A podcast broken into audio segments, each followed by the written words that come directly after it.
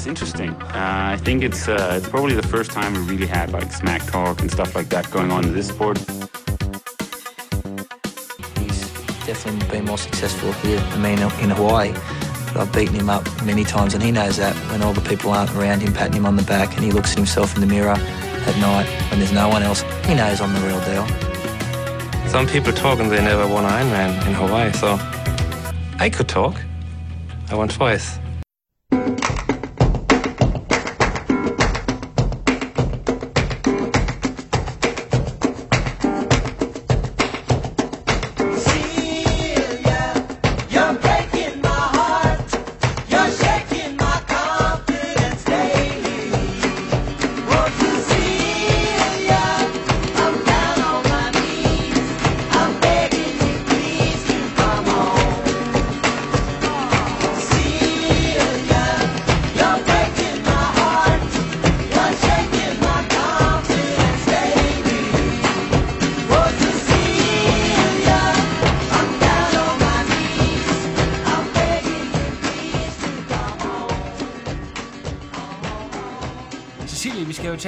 Dine magiske år, og bagefter også lidt om dine ikke så magiske år igen. Øh, Oh, men, yes. Men lad os lige øh, skrue tiden lidt tilbage, fordi som folk kan høre, så er der jo lidt sydsjællandsk over din, øh, din måde at tale på. Ja, det er der nok. Så vi skal, vi skal faktisk tilbage til, til Køge, hvor du øh, havde en øh, gloværdig karriere som elitesvømmer, er det ikke korrekt? Jo, det øh, var nemlig det, jeg havde. Og hvad, hvad lå du? Var det, var det rygsvømmer, eller var det, øh, hvad, hvad var det for noget, du lå og lavede? Det var øh, langdistance crawl. Det har helt klart, crawl har helt klart bedst været min, øh, min disciplin. 200 meter, 400 og 800. Ja.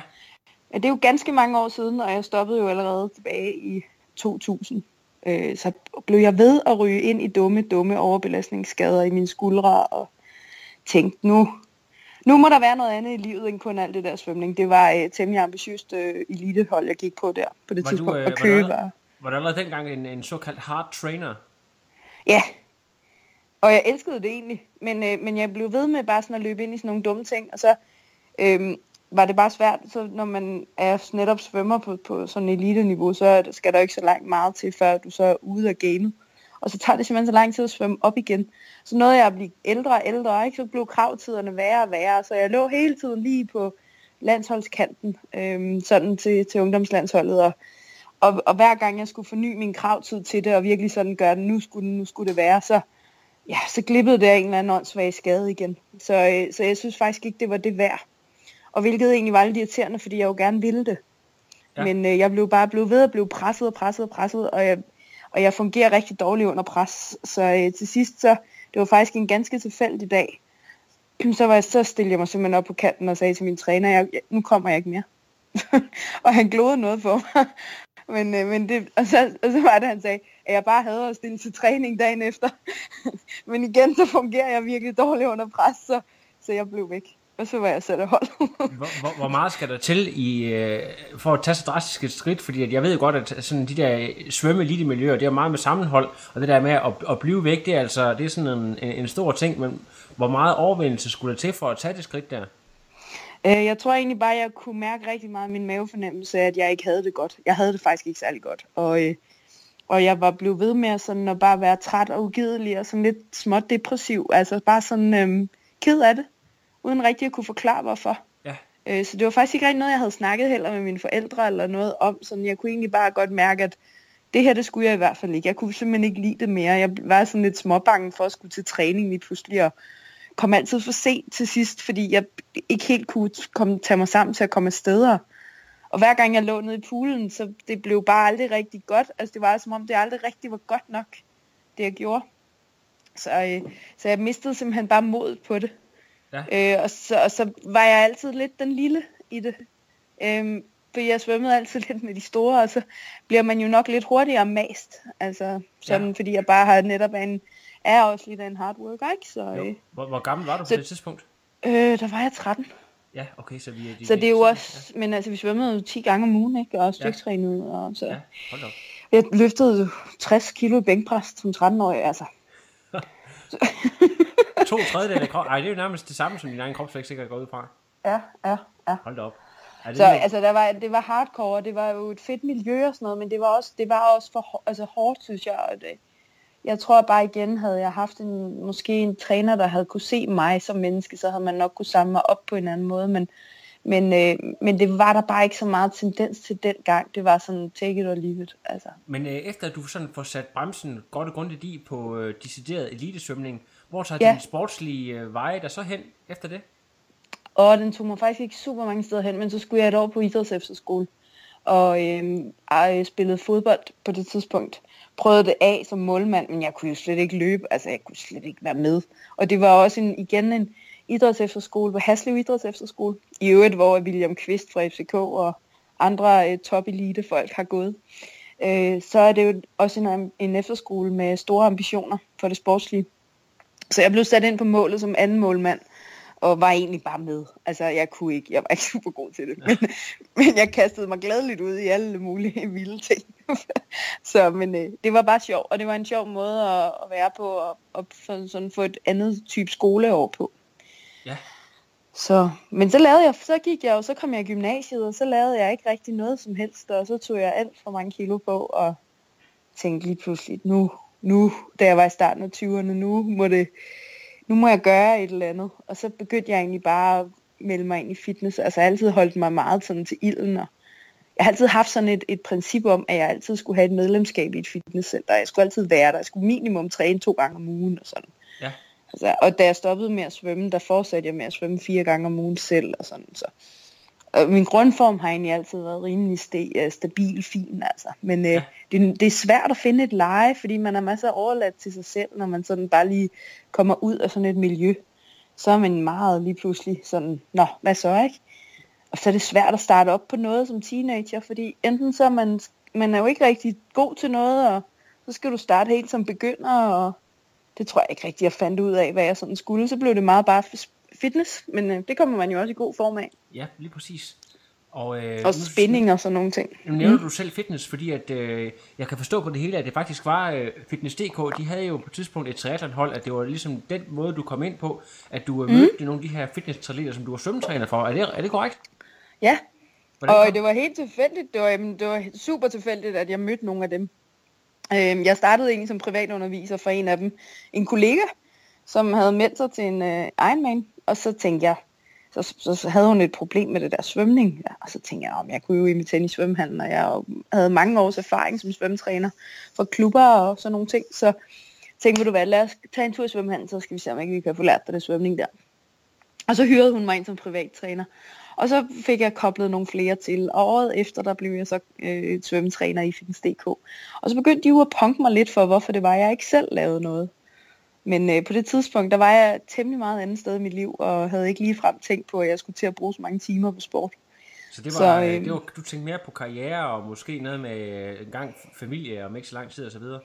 Ja, jeg var faktisk, øh, var faktisk gift på det tidspunkt. Nå, okay, kunne der Ja. så noget, som uh, Trioraklet ikke var klar over endnu en gang. Det er anden Det er meget få, det er anden, anden, det. anden interview i træk, hvor jeg blev taget med bukserne nede, og ikke har gjort min research ordentligt.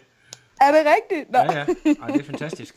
Nå, men Ja. øh, ja jamen det, øh, så du er, du, er, du er et helt andet sted henne, men øh, Det var hvad, jeg absolut. Hvad skete der så i forhold til det her øh, triathlon? Jamen altså, så prøvede jeg at blive lukket til at løbe en halvmarathon i to, en, først en 10 km i 2011. Det blev aldrig rigtigt til noget.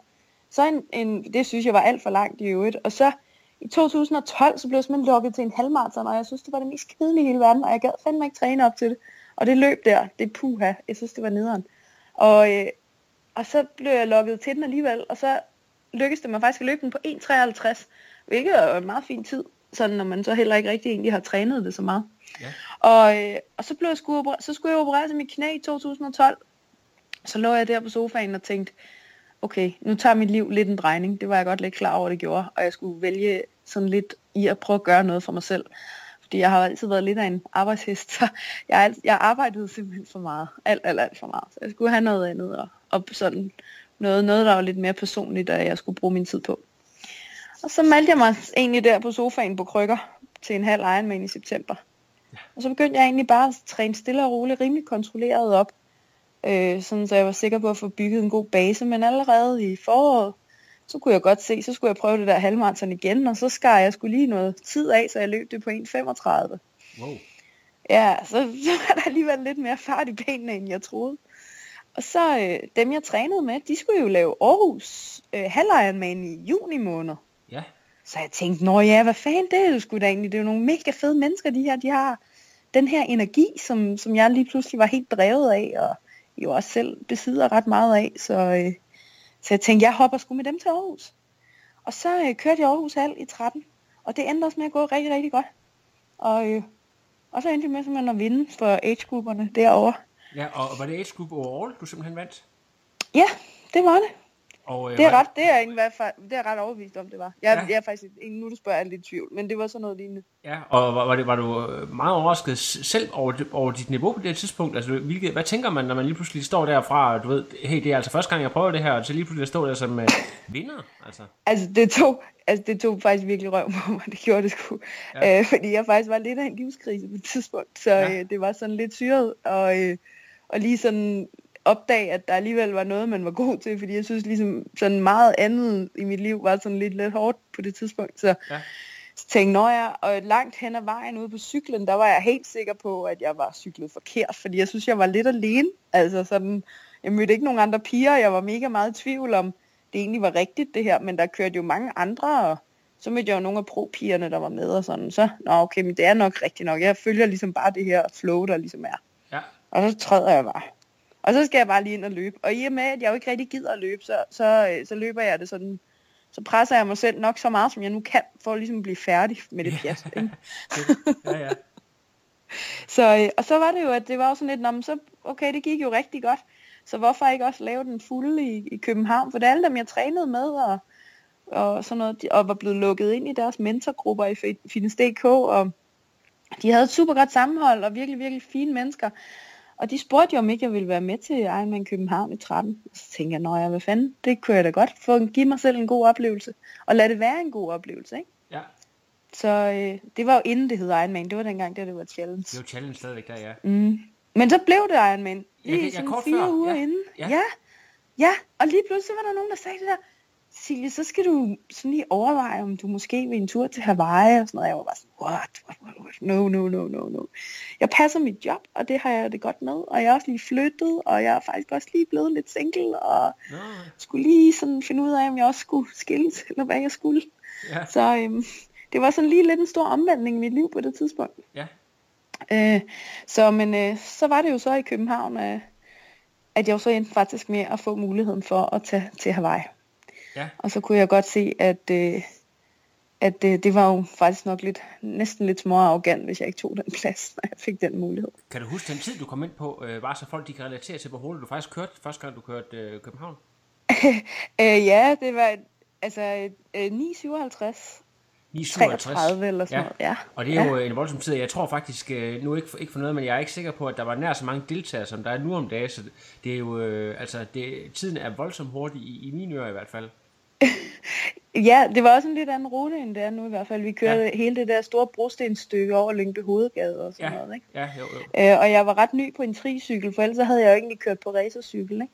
jo Men øh, ja, og så, øh, altså, jeg, jeg kan tydeligt huske, at de sagde, jeg, da jeg kom ind efter, jeg tror, jeg ligger nummer to eller tre efter svømningen, og så kommer jeg ud på, og det var jo det år, kronprinsen kørte, så der var jo sindssygt mange mennesker, ikke? Ja, nemlig. Og jeg havde overvejet, om jeg skulle, øh, hvad for en sang jeg skulle synge for kronprinsen, hvis jeg var så heldig at, sådan at overhale ham. Ikke? Ja. men, men det skete ude i vandet, så derfor så nåede jeg ikke se det. Men, men øh, da jeg så kom ind på cyklen, der kunne jeg godt fornemme lidt, at der var sgu ret. Der var ikke mange mennesker. Og jeg havde ikke mødt mange mennesker ude på den der cykling heller. Af piger heller, overhovedet faktisk. Og øh, jeg overhalede nogle stykker øh, på vej op ad Strandvejen. Og den ene af dem kunne jeg jo se var i min age i hvert fald. Men jeg har slet ikke overblik på det tidspunkt, og jeg er heller ikke...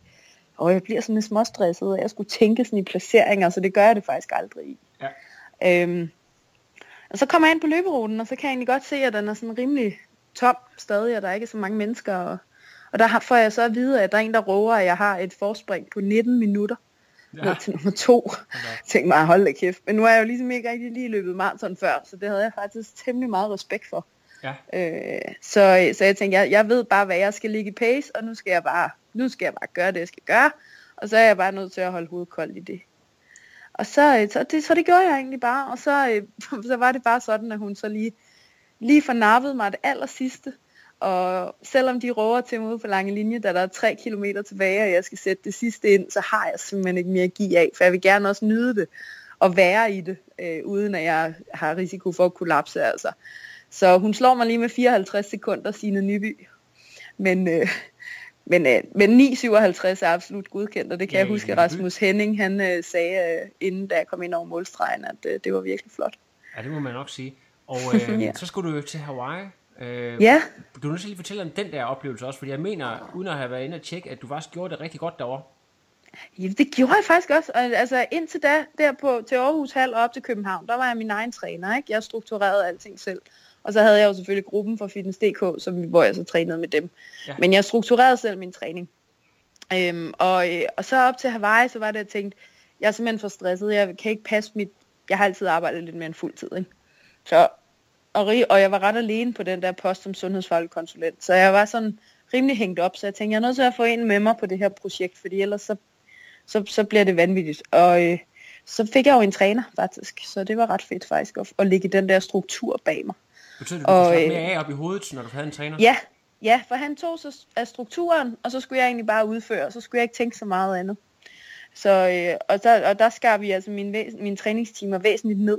Øhm, ja. Og det var godt på det tidspunkt. Der kunne jeg godt holde til at træne kortere i, øh, eller hårdere i kortere tid. Ikke? Ja. Øh, jeg fik jo så Alexander, som jeg ja. så trænede med i nogle år. Ja. Og for OB live. Og, øhm, og så tog jeg til mig, og så var det egentlig også bare at sige, at det, jeg skal egentlig bare over at have en rigtig god oplevelse. Øh, og eftersom at det hele mit 2013 havde været lidt kaos, og jeg havde været kun dyrket tri så kort tid, så handlede det altså også om bare at få en god oplevelse derovre. Øh, og jeg kan jo huske lige så tydeligt, at jeg landede, og så skulle jeg mødes med Michael Kryer og de resten af, at, eller et, et age group hold, der sådan var derovre, og Michael Kryer, han stod for noget træning, og han kørte os øh, cirka 8 km ud af Alley Drive, nej, af Queens Cay, og så sat, blev vi sat af derude, og så skulle vi løbe tilbage til Kona, og jeg var ved at dø, altså virkelig, altså jeg havde det simpelthen det dårligt, og jeg tænkte, jeg, det her, det overlever jeg aldrig nogensinde jeg tænkte også, okay, nu, nu er du her. Altså, nu er du her ligesom, ikke? Så øh, ja. du er ligesom nødt til lige at stramme, stramme dig andet. Du skulle nok bare lige sove lidt. Det er jo sådan det, jeg godt ved, når, når det går galt for mig med ting, eller jeg bliver irriteret og sur. Så er det, fordi jeg mangler søvn. Ja. Så, øh, så det gik jo også rigtig godt, og så var det egentlig også bare at holde hovedet koldt, og så havde jeg jo simpelthen den vildeste opbakning hjemmefra. Altså, jeg kunne nærmest lige frem høre dem igennem internettet hele vejen til Hawaii. Yeah. Så øh, jeg vil sige, at den opbakning, den, øh, den var altså guld værd, når man så lå derovre og var rimelig lille i det game der. Men øh, en, øh, ja, jeg tror, jeg kørte den på 10-28 faktisk, det, hvilket var hvilket er ganske fint derovre. Var det en top 5 placering, du fik det år? Eller var det... Øh, nej, der, nej ikke, lige, ikke det første år der. Der blev jeg nummer øh, 18 i age group og nummer 118 på verdensranglisten. Ja, men det er stadigvæk ekstremt godkendt for, for en, der er så ny i gamet, vil jeg sige. Så, nå, tak. Lad os det. ja. så øh, var, det var, var det her, du, øh, var du begyndt at træne sammen med Lilian der? Du har trænet rigtig meget sammen med, ved jeg. Ja, hende mødte jeg dog. Ja. Altså, jeg havde jo faktisk hendes, øh, hendes øh, eksmands, øh, Anders Glymer, som, øh, som mentor, da jeg var derovre. Og, eller sådan op til, træning op til, øh, med Fitness.dk. Ja. Og det, var, øh, det har været super fedt, og så blev, han introducerede mig jo egentlig for Lilland senere hen, Lilland og jeg passer afsindigt godt sammen i temperament og i personlig, øh, sådan personlighed. Og vi boede ikke sammen det første år derovre, men vi mødtes rigtig meget derovre sammen med Thomas Rode også, og nogle af dem fra OB også, der trænede med dem. Så øh, Morten Sonne også, der også er, er rigtig dygtig age group her. Så øh, vi havde et rigtig godt crew, og vi hyggede os sindssygt meget. Anne Jensen også, og jeg skulle, hende skulle jeg i øvrigt lige hilse fra. jo, tak skal du have. Tak skal du have.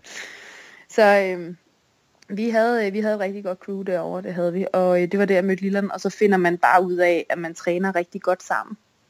Og så fortsætter, fortsatte det, da vi kom hjem. Lige præcis, fordi var det her, hvor I besluttede for, at det, det hedder altså Frankfurt næste år? Ja, det tror jeg faktisk ikke rigtigt. Jeg kan ikke rigtig huske, hvordan det med Frankfurt kom ind, for planen var vist egentlig, at jeg var prøvet at blive lukket med til Nice Ironman. Øhm, men så fordi, at Frankfurt var EM, og jeg blev lidt småbange for Nice og alle de ulykker, der var dernede. Så, øh, så jeg tror nok, at jeg besluttede mig for at køre Frankfurt i stedet for. Og så fik, blev vi inviteret med i Triklub Danmark, der øh, var en nyopstartet klub på, den, på det tidspunkt, der lavede et udvalgt elitehold. Og øh, der var rigtig mange der, der skulle køre øh, Ironman Frankfurt. Så det var et ret fedt stævne at kunne træne op til sammen, og vi havde en fuldstændig fantastisk træningsgruppe. Så det Så, er men- Enno og dig og Lilian og Ja, Søren Rode sådan var noget. der også, og øh, Rasmus Frisinet og Di- Diego, nogen der gør rigtig meget ud af løb nu. Ja, En, der hedder Nynne, og Pia Eng, øh, Engeløst. Engløst. Ja, Ja, er jo, Pia ja. Engløst. Ja. Ja, hun, hun var nemlig også med på det tidspunkt. Så, øh, og hende har jeg jo så også været på Hawaii med, ikke? Ja, men mm. øh, det, det var noget med, at øh, i hvert fald dig og Lilian, der I, øh, I rydde i hvert fald øh, jeres respektive øh, age group nede i Frankfurt. Er det korrekt? Jo, det er, ret, det er ret sjovt med lige det der stævne, fordi vi trænede så så målrettet op til det, og jeg endte med at blive rigtig dygtig til at løbe, faktisk særligt også af at løbe med Lilland. Og øh, vi lavede øh, VM i halvmarathon i København, hvor jeg så lavede 1.27 på halvmarathon. Og, øhm, og vi løber nytårsløb sammen, hvor vi også har en lille tendens til at kunne løbe det sammen som noget. Så det var også helt episk, at vi kunne tage til Frankfurt sammen. Og det der er med lige med Frankfurt, det var, at jeg startede egentlig i en, i en, eight- eller en startgruppe senere end Lilland. Ja. Men alligevel så møder vi simpelthen hinanden efter svømningen på vej op til T1. Så det er sådan en helt magisk race for os, mig og hende, det der race der. Vi møder også hinanden ude på cykelruten, hvor vi så får krydset hinanden også. Og så får vi krydset hinanden inde på løbet. Og da jeg så løber, og jeg aner ikke noget om, om noget placering eller noget, men øh, der er så nogen ude på ruten, nogle danskere, der er dernede, der står og råber efter halvmarathon, at nu skal jeg simpelthen til at stramme ballerne sammen, og jeg ligger så solidt, så nu må jeg altså godt lige til at, at gøre det færdigt ordentligt. Ikke? Så, og jeg løb simpelthen, jeg havde virkelig bare kun fokus på, hvor meget jeg egentlig bare kunne presse citronen. Ikke?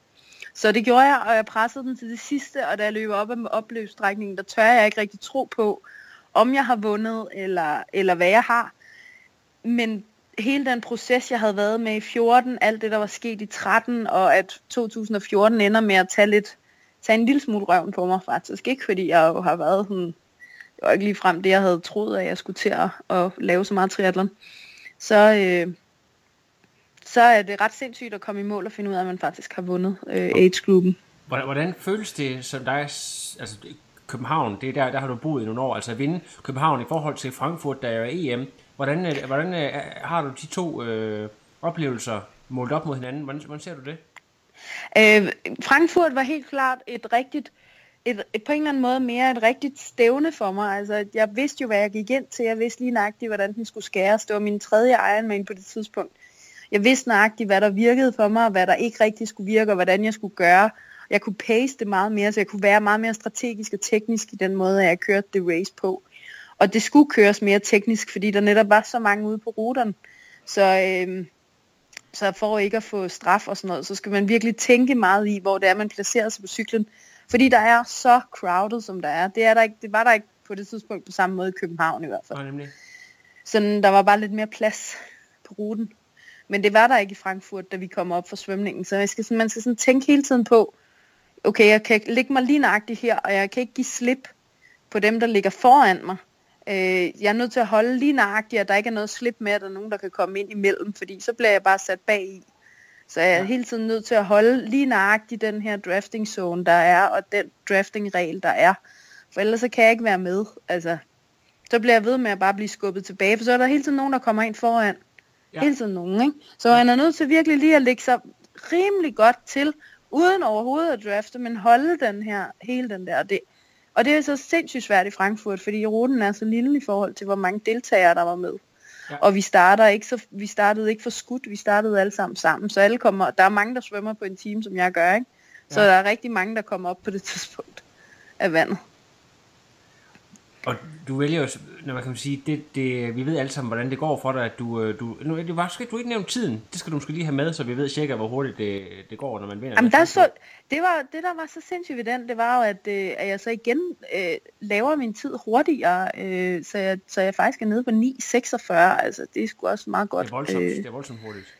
Så ja, jeg synes, at, jeg synes det er, jeg, jeg, det, jeg var vo- voldsomt tilfreds i hvert fald, men, men igen, at, så er jeg ikke så styret af tid og data og sådan, det, er, det tænder mig slet ikke faktisk, men, øh, men jeg slår så nummer to med 45 minutter, ikke?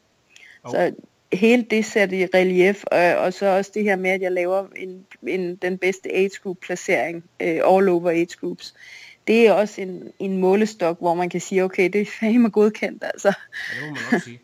og jeg var jo bekymret for den Ironman, for det var jo sådan lidt, når 13 gik så godt, jamen for mig var det jo tilfælde hele tiden, og det føler jeg også stadig lidt, mange af tingene er. Øhm, men, øh, men det er også sådan, om, nu må du snart forvente, at du går og sådan noget, men det, men det har bare ikke rigtig sådan, altid tænkt så meget over, for altid bare, bare gået lidt med, med den bølge, der nu har været på en eller anden måde. Så kommer du jo, så skal du jo til Hawaii igen. Øh, det ligger jo lige for. Øh, og, der, og så må forventningerne alt andet lige være lidt større, i og med at du øh, har fået lidt rutiner, og du har lavet sådan en monster performance nede i Frankfurt, som er, ja man kan sige, det er jo det europæiske pangang til Hawaii mere eller mindre, altså den største scene, man næsten kan race. Hvordan, øh, prøv lige at fortælle om den der build op til Hawaii og selve oplevelsen derovre. Ja, altså så, så har der jo, der var så sådan, det var jo lige der, hvor tri, hele tri-delen, miljøet på en eller anden måde, boomede en lille smule lige de år der. Og, øh, og, og det, det er ret vildt i forhold til omverdenen, og eftersom jeg jo stadig er age grouper og, og kommer i afsindig mange forskellige miljøer, og har rigtig mange forskellige kasketter på i mange forskellige miljøer, så er det også meget forskelligt, hvordan der bliver talt om det her med Ironman, og hvad folks syn er på Ironman. Så, øh, så det var sådan at prøve at holde det nede langt hen ad vejen, for det har jeg det egentlig, sådan, egentlig nok bedst med personligt. Men jeg kunne også godt se, at okay, det bliver faktisk også lidt småarrogant for nogen at høre på, at man ikke sådan bare siger, ja, jeg er Iron Man. Ikke? Altså, men jeg synes bare, det bliver lidt for, åh, det bliver lige lidt for hardcore nogle gange at høre på. Så jeg tonede det egentlig nok rimelig meget ned, men Følte du, var der lidt i andet lov? Folk de synes ikke, at du har fortjent at, at komme så lidt til tingene. Folk som mig for eksempel, der har brugt 20 år på at komme til Hawaii, og du er bare lige gør sådan her. altså, jeg... Har du den følelse?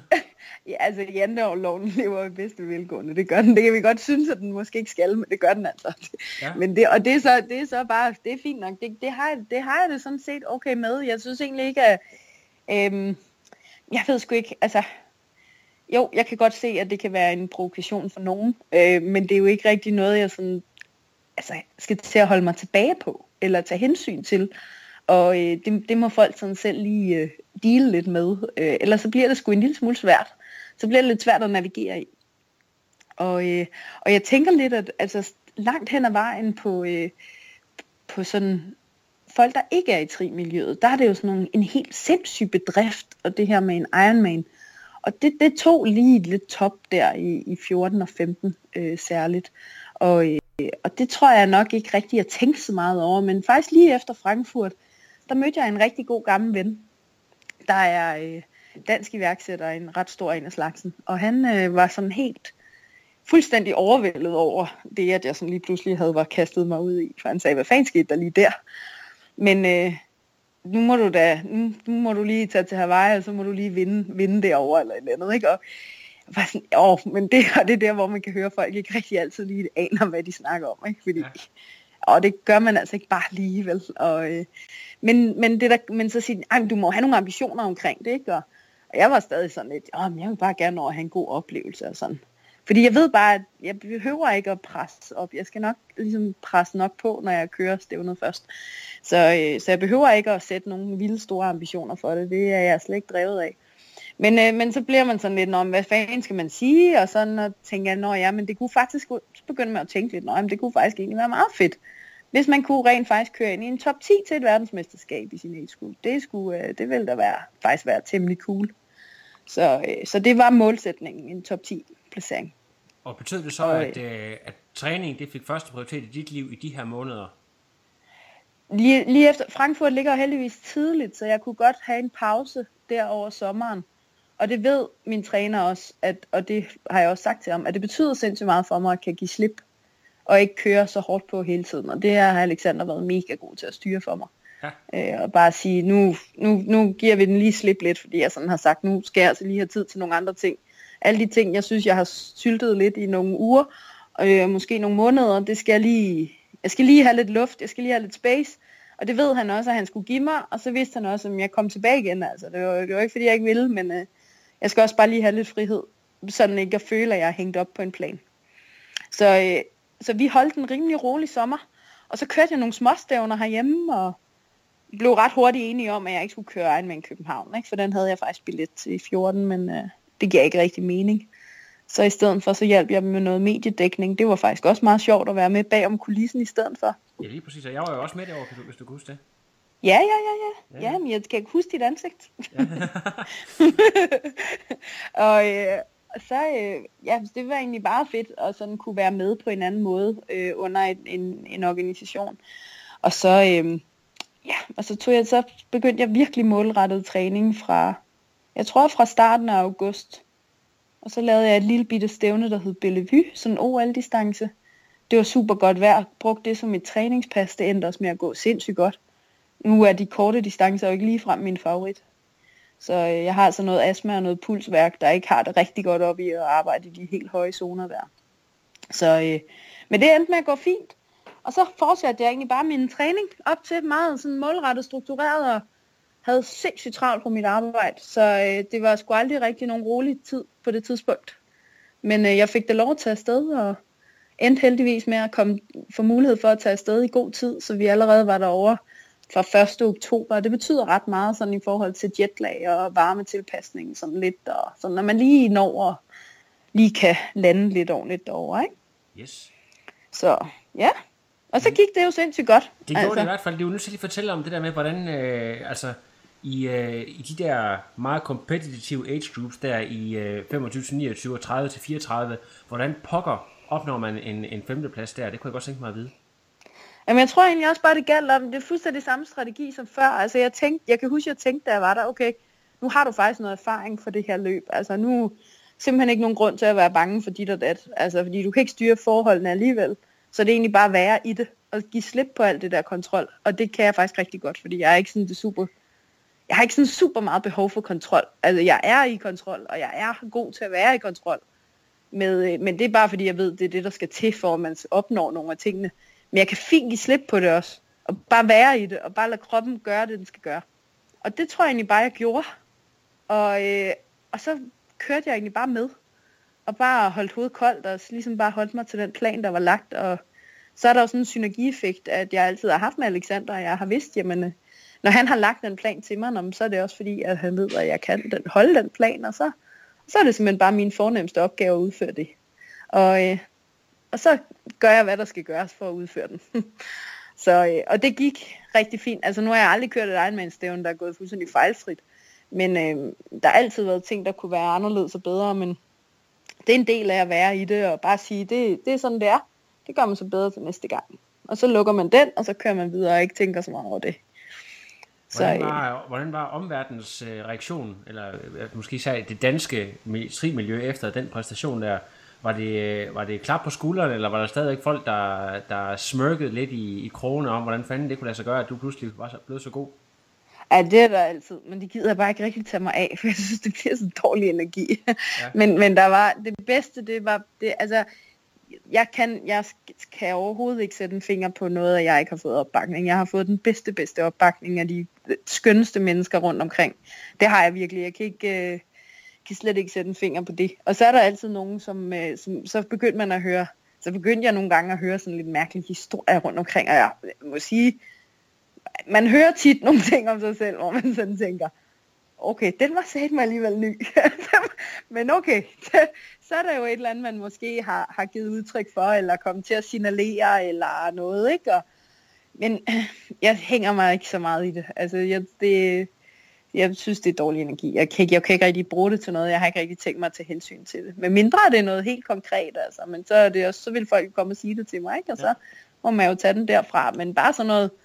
Jeg kan huske, min veninde engang ringede til mig og sagde, at hun havde siddet til en fødselsdag.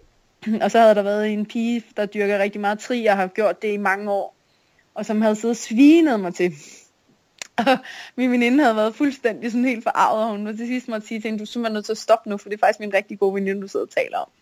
Og hun har faktisk bare måske været lidt heldig, men har faktisk også arbejdet og trænet hårdt for det. Ja. Så. Og det er da lidt underligt, og man skal vende sig lidt til sådan, at lige pludselig har folk en mening om en. Øh, jeg kan faktisk huske øh, det første år, da jeg kvalede i København i 13, der fik jeg at vide, sådan, at hvis jeg overhovedet skulle gøre mig noget forhåbninger om at gøre noget som helst på Hawaii, så skulle jeg i hvert fald tabe 4-5 kilo, fordi ellers så kunne jeg godt pakke sammen og gå hjem. Og generelt så skulle jeg bare tabe mig, for jeg var bare alt for stor, alt for tyk og sådan. Så det, Altså, og det skulle, det er sgu sådan nogle, det er faktisk lidt hårdt, og jeg vil sige, hvis nu jeg var typen, der sådan kunne ende ind i en spisforstyrrelse, så havde jeg nok været det for mange år siden. Men det er jeg ikke, og jeg lader mig ikke slå ud af det der. Men har kæft, jeg bliver ej, når jeg hører folk sige sådan til folk og til sportsudøvere. Nok særligt til kvindelige sportsudøvere, fordi der, nu har jeg jo så også en mailbox, der ikke står stille. Og der ender altså ofte øh, henvendelser fra piger i, hvordan man håndterer de her påvirkninger, der kommer udefra om, at man bare skal være tynd. Er, det, så, er, er, du, er du sådan uh, lidt trodsig, uh, sådan lidt, uh, hvad hedder du, sådan uh, Jennifer Lawrence-agtig, det der med, at så insisterer du bare på at beholde de kilo, du nogle gange har, og så bare præstere alligevel? det ved jeg sgu ikke. Nej, fordi jeg ville, jamen, jeg ville sgu da godt kunne tage 4 kilo, hvis det var det, at jeg sådan kunne, men det kan, kan man ikke bare sådan lige, altså uden, jo, men så vil jeg bare gå på kompromis med, med, med netop min, min, min energi, ikke? Og min gejst og sådan noget. Det er altså det, der gør, at jeg performer godt. Ja, så fantastisk det er, det er fedt at få det med. Og jeg bliver, og jeg bliver simpelthen så, ej, jeg, kan, altså, jeg tror ikke altid, øh, at det er jo ofte lidt fyre, det kommer fra. Ikke? Jeg tror ikke altid, at de tænker over det sådan, men det virker bare rigtig hårdt for kvinder. Jeg er rigtig glad for, at Team Danmark har taget det her sådan issue op omkring spiseforstyrrelser. Og man siger jo faktisk, at hver, kvinde, at hver fjerde kvindelige eliteatlet har et lidt forstyrret forhold til mad. Ikke? Ja. Og det synes jeg jo er voldsomt sådan, åh, det er sgu en far, et farsignal, vi virkelig skal være opmærksomme på. Ikke? Jo. Men jeg tror også, nu har jeg jo altså en erhvervsmæssig baggrund med mig, øh, og er jo sådan set uddannet inden for sundhed. Så jeg tror også, at heldigvis har jeg den ballast med, der gør, at jeg ved, at det der det er fuldstændig hul i hovedet at, at være sådan og sige sådan. Og jeg ved også, dem der sådan siger det, at dels mister jeg ret meget respekt for dem, det er så hvad det er, men, men så kan jeg også bare høre dem, de aner ikke, hvad de taler om. Altså. Så, øh, for det er jo klart, at selvfølgelig er det klart, at jo mindre man vejer, øh, jo hurtigere kommer man igennem en konkurrence, og jo lettere er det at løbe. Det er helt klart, ja. Men, men jeg ved også nu, at altså, det er i hvert fald ikke det, der gør det for, for min krop. Det er jo klart, at jeg skal ikke være større, og det er jo ikke sådan. Men jeg havde altså på det tidspunkt, jeg vandt Frankfurt, der havde jeg altså en fedtprocent på 9. Det er altså ret lavt for kvinder. Ja, det må man også og, sige. Og jeg vejede 57 kilo, og det, så kunne man sige, ja, det kan man måske ikke se på billederne, og på billederne ser jeg måske stor ud, ja, og måske fordi jeg lige har en god udspillet mave af noget energi, eller et eller andet. Eller, altså, og jeg er bare sådan lidt mere muskulært bygget, ikke? Og hvis jeg skulle til at bare at, at rive mig selv helt ned på det at gå på en eller anden voldsom kur, så vil jeg tage så meget på mine muskler, så vil jeg slet ikke have min power på samme måde. Nej, det er, så, det er en vigtig, øh, vigtig pointe og interessant vinkel, at du kommer med her, synes jeg. Ja, så, ja det er i hvert fald noget, der fylder øh, sådan på en eller anden det måde. Det fylder meget i debatten de her år i hvert fald. Ja, Ja. Øhm, jeg, vi, vi skal lige lidt videre i, øh, i øh, teksten, fordi at øh, 2015, der kan jeg huske, at der sker der et eller andet lidt specielt. Jeg ved ikke, hvorfor beslutningen bliver taget, men du, øh, du kører et Ironman-stævn, formentlig måske København, og jeg kan ikke engang huske, om det er, om det er backup til en anden Ironman, der ikke gik så godt, og så kører du selvom se ganske få uger efter, hvis ikke det allerede er ugen efter faktisk. mm. Kan du lige prøve at fortælle om, om hvad, sker der, hvad sker der her øh, midt, midt på året 2015? Jo, 2015 er et lidt, lidt sindssygt år faktisk, fordi dels så, dels så kan jeg godt mærke fra allerede sæsonstart, at øh, nu kører jeg en mere sæson på den her måde, så skal jeg gøre noget andet bagefter. Jeg skal noget andet, fordi nu, nu der var nogle ting, der bare ikke begyndte at fungere, og jeg blev min personlige individuelle tider til træning og sådan noget, ja, det var som om jeg, jeg rykkede mig mere, så der skulle lidt noget andet til, øh, for at jeg kunne blive bedre. Så jeg startede også ud med en bravende skade, øh, og var faktisk ikke sikker på, at jeg overhovedet ville komme igennem øh, med 2015 sådan ordentligt. Men det rettede sig heldigvis op. Det var heldigvis bare en lille banal skade, så da vi fandt ud af, hvorfor det var, at jeg havde ondt i mit ene ben og fik rettet op på det med noget elastik, så, øh, så kom det af sig selv. Så skulle jeg lave Frankfurt igen, og øh, der, når man ligesom kommer derned som agerende vinder, så øh, skal der jo noget til. Sådan, så så der, der kunne jeg mærke et pres på en helt anden måde. Ikke? Og, øh, og, i, og da jeg sluttede i Kona, der sluttede jeg jo netop så på nummer 47 på verdensranglisten der, ikke? Så det var også der, hvor jeg lige lå, og folk sagde, burde du ikke være professionel og sådan, men jeg var bare alligevel heller ikke stærk nok til det, og jeg havde sådan heller ikke helt det økonomiske setup til det, vel? Så jeg prøvede at lave Frankfurt i 2015. Det gik rigtig dårligt.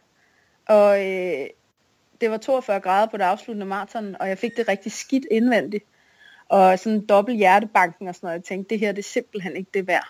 Jeg er nødt til at slow down, og så må jeg bare komme i mål. Og, øh, og jeg laver den så også 45 minutter langsommere end, øh, end året inden. jeg bliver så nummer to, og så lige nøjagtigt, så er der ikke noget slot til, øh, til Kona på det tidspunkt. Men jeg havde jo ikke rigtig givet mig sådan, jeg var ikke, jeg var ikke rigtig træt dagen efter sådan på samme måde, og jeg var sådan lidt, Nå, okay, det var bare en lidt fesen og halvflad fornemmelse det her. Og så, øh, så var det, jeg sagde dagen efter allerede, at øh, til Alexander, bror jeg nu, øh, nu, jeg skal have gang i København. Vi, øh, jeg har kan ikke overskue, at min sæson den slutter allerede nu.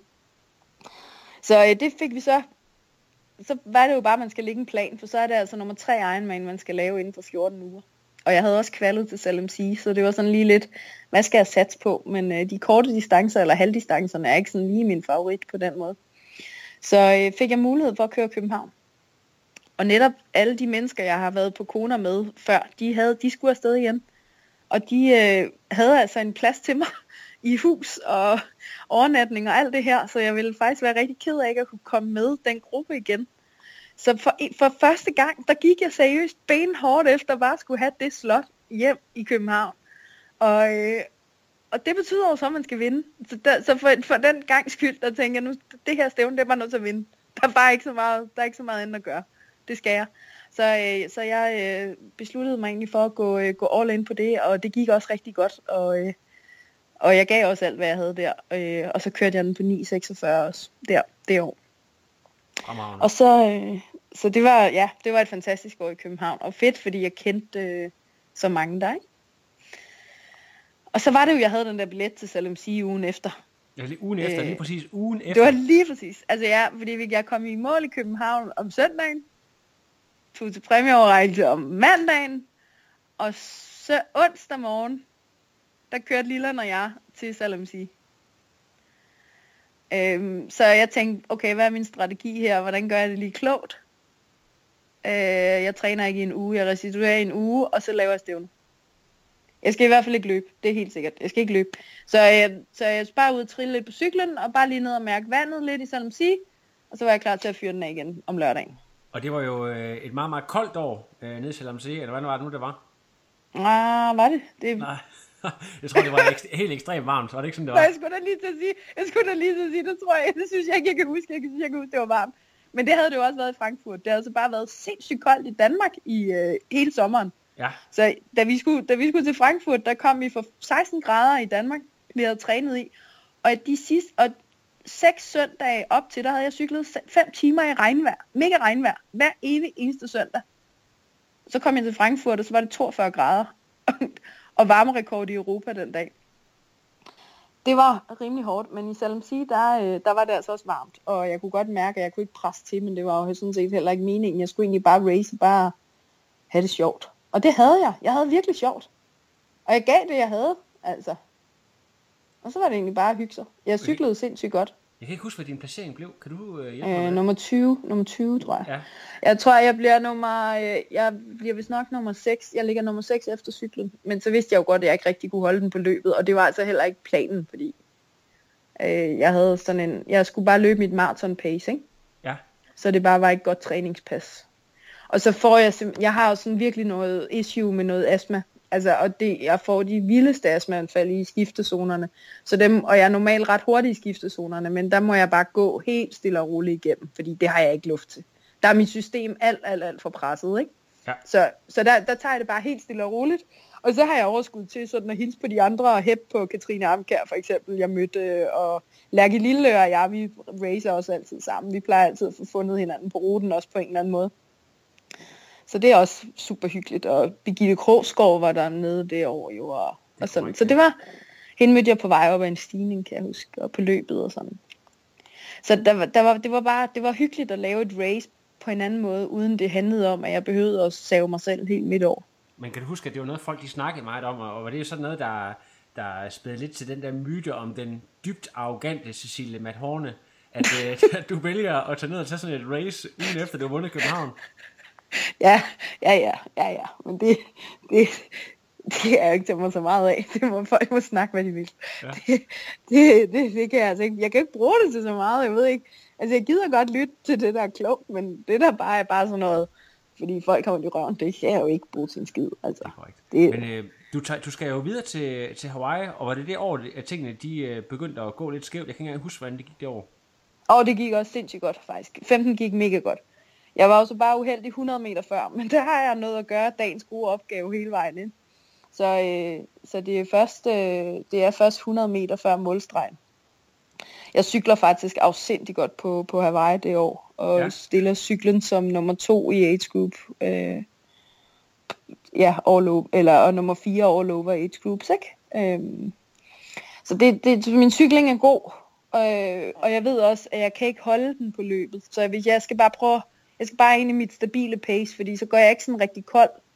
Jeg kan bare ikke presse mere. Jeg kan bare kun dertil, og så kan jeg sgu ikke rigtig presse mere igennem, men jeg er til gengæld rimelig stabil, når jeg først, øh, når jeg først kører.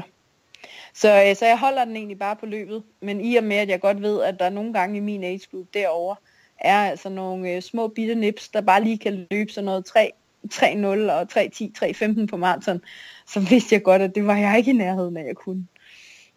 Så, øh, så jeg løb egentlig bare det, at jeg bare kunne, og så bare prøvede at holde mig steady, og så sker der det, at jeg 100 meter før målstregen, så sker der lige et ordentligt sådan klik ned i min fod, og så springer sådan min sene i foden, ikke?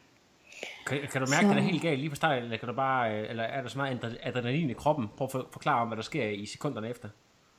Um, det, altså, der, det, det er sådan noget, der bare lige sker. Jeg kan mærke på vej ned af Pelani, den der, eller ned ad bakken der for Queens K, og så lige det sidste stykke af løberuten. Den såkaldte Mark godt... Dave Hill.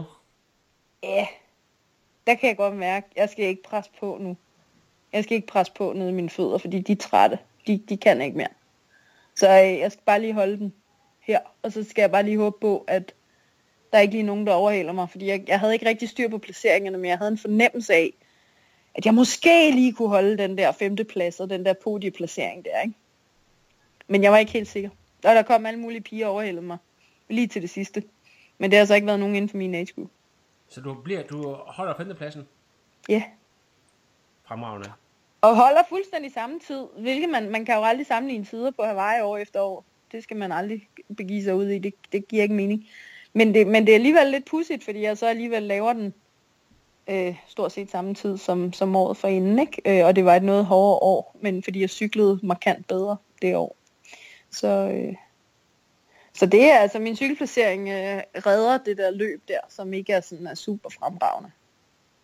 Og øh, jeg ved ikke, er du, er du sådan mere stolt af, af 2015 Hawaii end 2014, eller er det ikke sådan, når du går op på det? Mm, jeg ved øh, det er klart, at 2015, der gør jeg det bedst internationalt. Øh, og jeg rykker mig ned til en 37. plads på verdensranglisten. Og, øh, og så bliver jeg faktisk, øh, Ironman har lavet det her, øh, All World Athlete øh, for age groupers.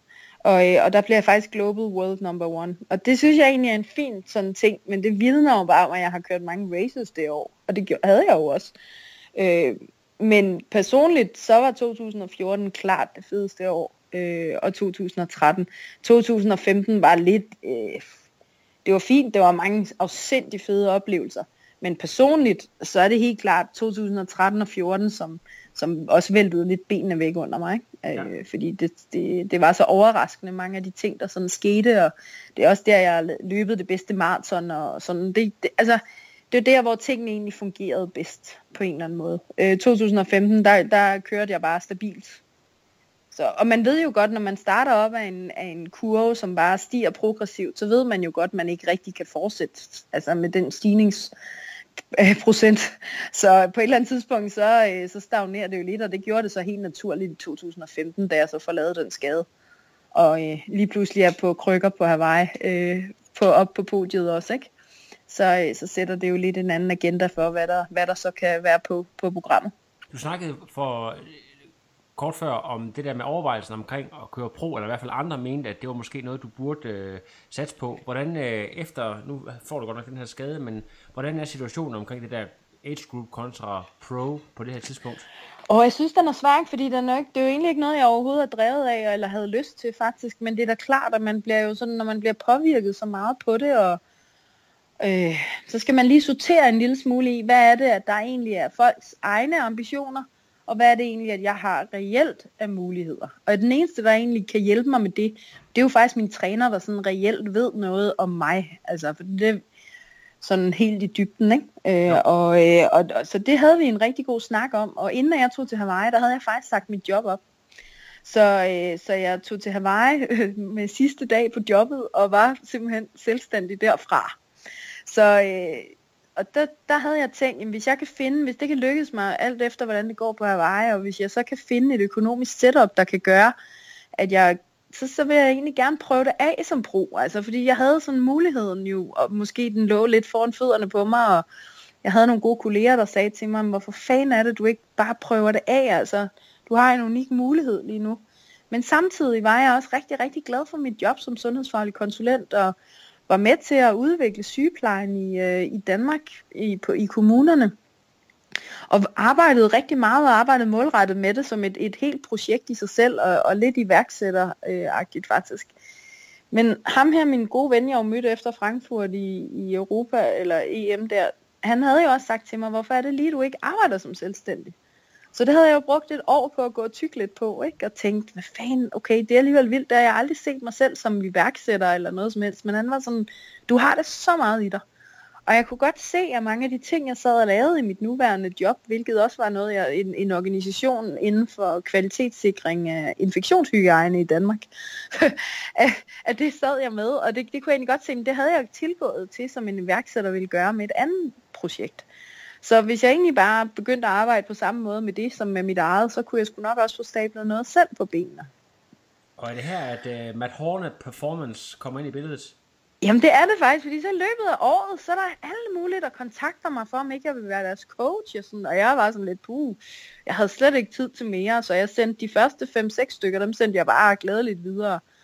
Så hjalp jeg øh, OB med at være noget løbetræner for, for tracks øh, løb, som Ledø og Krikri stod for, og jeg hjalp dem med noget andet svømmeundervisning, og jeg var svømmetræner i Triklub Danmark, og jeg har aldrig rigtig, jeg har sgu aldrig kedet mig, vel? Altså, jeg har altid været sådan, jeg har haft altid haft flere jobs, og sådan, altid haft gang i mange forskellige ting, så, så jeg tænkte egentlig, om, okay, jeg, Nå, ja, måske jeg skal prøve det af, altså måske jeg bare skal se, hvad der ligger så meget i min mailbox, og så mange mennesker, der gerne vil lave alt muligt med mig, måske jeg skal prøve at give det en chance og se, hvad, hvad er det her for noget.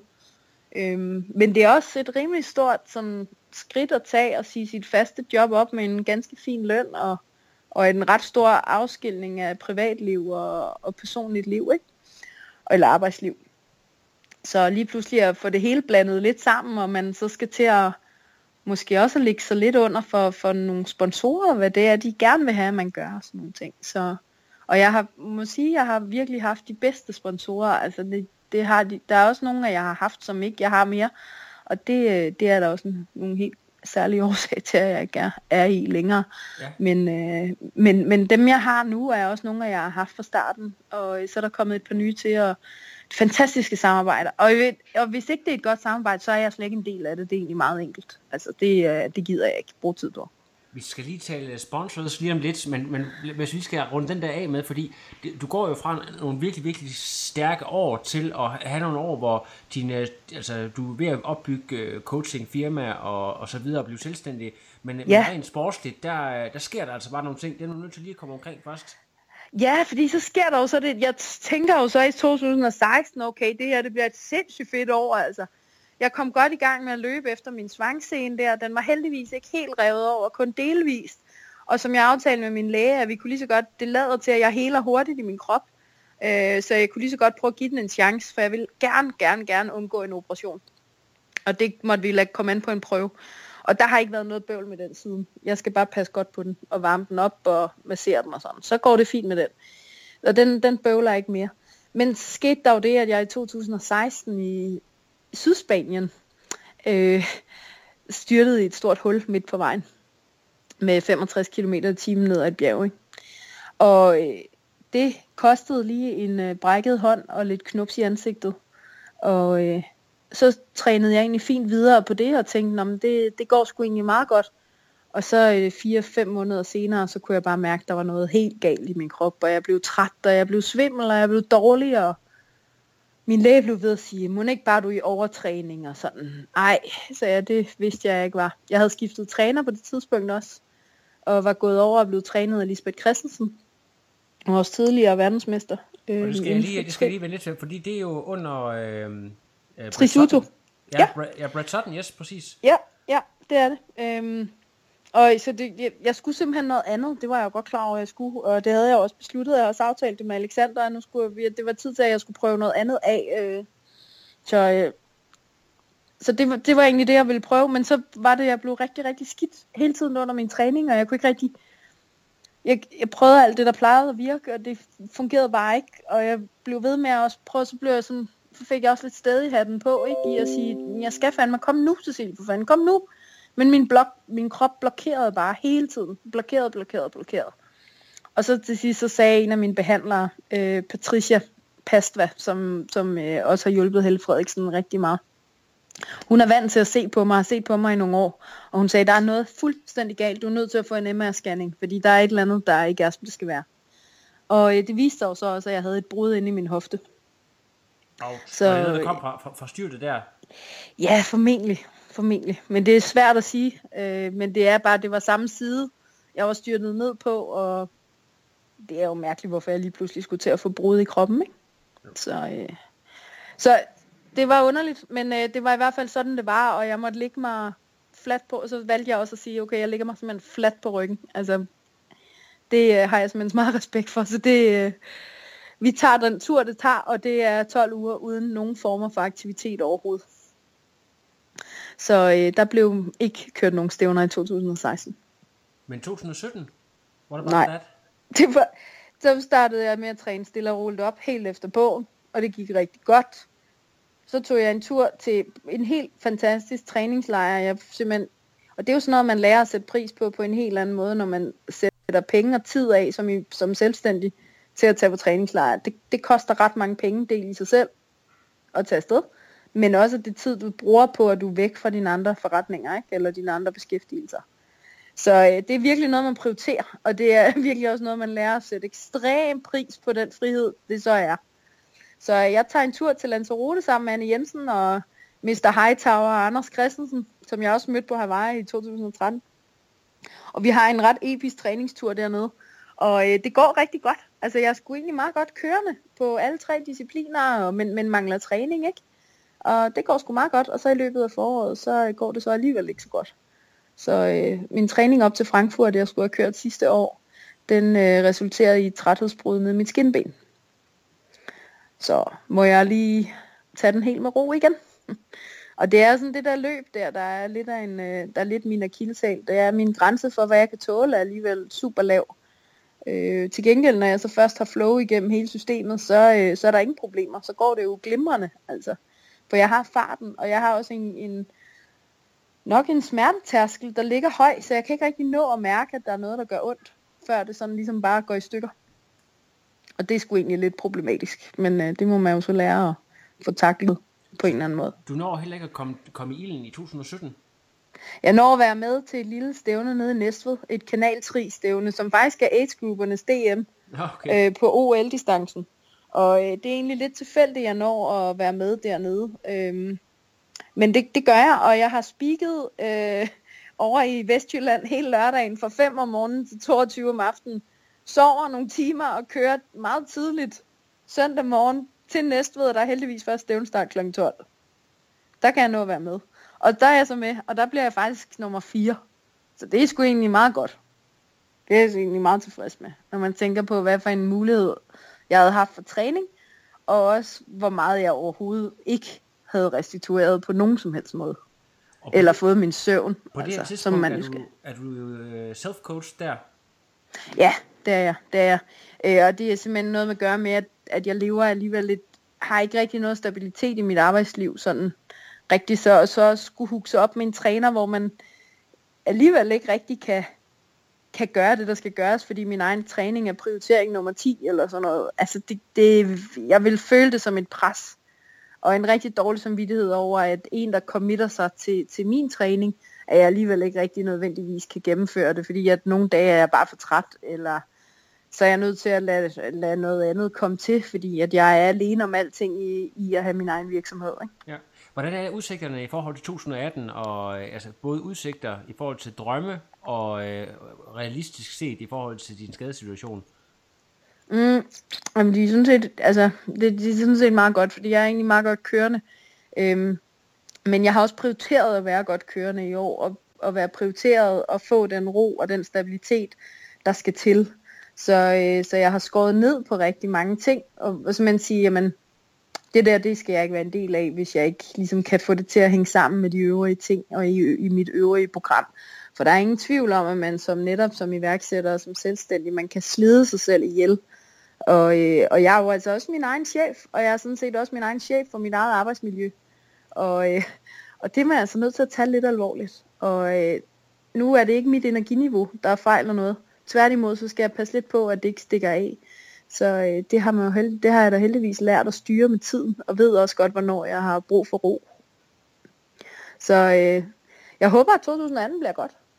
Men er, øh, er, det er, er ikke for en... Er der race det- på kalenderen allerede nu? Eller? Ja, jeg har faktisk, ja, jeg øh, har det jo så desværre også lidt en tendens til de der brud, der er i min krop.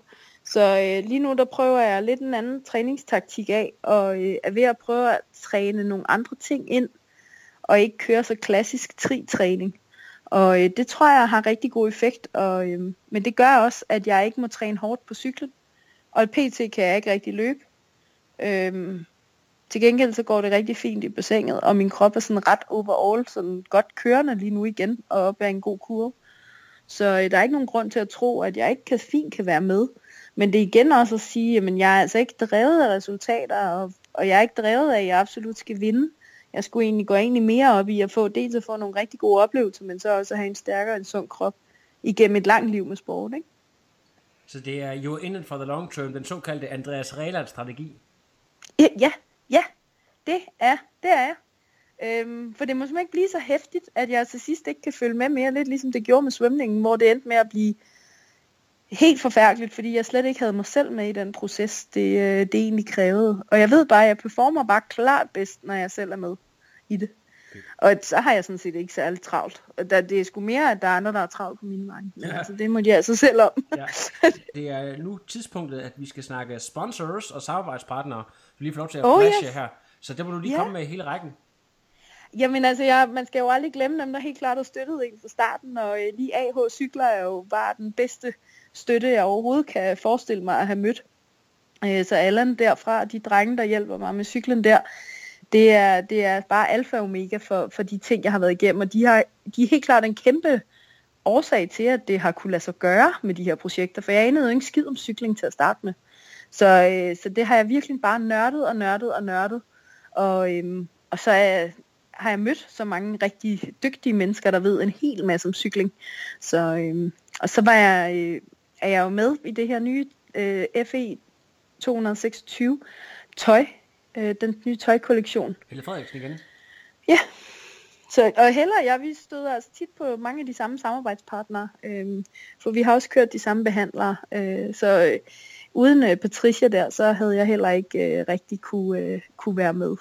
Og så har jeg lige nu en personlig træner, der er rigtig dygtig til alt muligt med pilates og energibaner i kroppen, og hvordan jeg kan bruge min krop meget mere dynamisk, fordi jeg jo netop har den her tendens til at være sådan meget mere muskulær, og det kan jeg meget nemt selv træne. Men jeg er nødt til at gøre noget andet, hvis jeg vil være stærk og dygtig også i fremtiden. Så jeg ikke hele tiden går i stykker. Så, øh, så det, øh, det er vi nødt til at træne lidt på, og det øh, træner jeg rigtig meget med hende.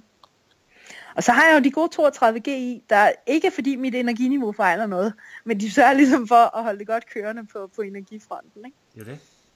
Ja, Er det Så er der Tyr. Kejsersport? Ja, Tyr, ja, og Kejsersport. og Tyr og Kejsersport, som, øh, som også er blevet en øh, rigtig god samarbejdspartner ind i, i min virksomhed, hvor vi øh, hjælper almindelige danskere med at få en sundere livsstil igennem kostvejledning og, øh, og så løbestilsanalyser. Ikke? Hvis man gerne vil ind til, uh, undskyld, jeg lige afbryder, hvis man, det der med Horn mm. Performance, hvordan uh, kontakter man dig bedst? Er det via Facebook eller mail? Helt klart via mail. Øhm, øh, Cecilie snabelag med torneperformance.com Og ellers så er jeg også nem at finde over Facebook og Messenger. Jeg sætter virkelig en ære i altid at svare. Men nogle gange kan der altså godt gå noget tid. Og så er det simpelthen fordi, jeg er til meget underviser rigtig meget. Øh, jeg underviser stadig øh, sundheds, kommende sundhedsprofessionelle i at skal ud og være rigtig dygtig til at arbejde med mennesker. Og, øhm, og så er jeg jo tit underviser selv også, eller laver øh, coaching og privat coaching. Øh, så, så jeg tit, jeg har et job, hvor jeg er rigtig meget på. Og det gør, at jeg har ikke et job, hvor jeg lige sidder foran computeren altid og svarer mails. Så nogle gange så er der nogen, der siger, du har ikke svaret. Nej, sorry. jeg kommer til den, og der er ikke nogen, der bliver glemt. Øh, jeg går ret meget op i at, at virkelig prøve at behandle alle øh, over en kamp og ens. Øh, der er sgu ikke rigtig nogen, der er vigtigere end andre for mig på den måde. Det er der altså ikke. Fedt, fedt, fedt. Tror vi, fik dem alle sammen med? det, det tror jeg, vi gjorde. Det ja, tror jeg, vi det, gjorde. Ja, fordi det er tit nogle gange, at folk de ringer til mig en halv time efter, jeg har talt med dem og siger, jeg glemte lige de her, så det, så det er godt, at man lige uh, sikrer sig, at det... Men uh, tusind tak, fordi at du, uh, du vil bruge så lang tid på lige at, at fortælle. Jeg synes, det var en, en fed, fed historie. Jeg er sikker på, at det her det bliver en uh, one, of, uh, one of the top, top uh, plays. det var fedt, du ringede, Lasse. Ja, det det super, var, super fedt. Det var fedt at, at, tale med dig. Nu har jeg hørt din stemme så meget, så man skal lige vente sig til, at nu taler man rent faktisk med dig. lige præcis. Lige præcis. Det er godt, Cecilie. Oh, yes. Jamen, Ja. jeg ved du, at vi snakkes bare ved. Det gør vi ved det, og han fortsat en rigtig god dag. Det var Det er kanon. godt. Tu- tusind tak, og i lige måde. Det er godt. Hej hej. Hej hej. No, I am done. Another. But no, it's, I'm done. I have no power.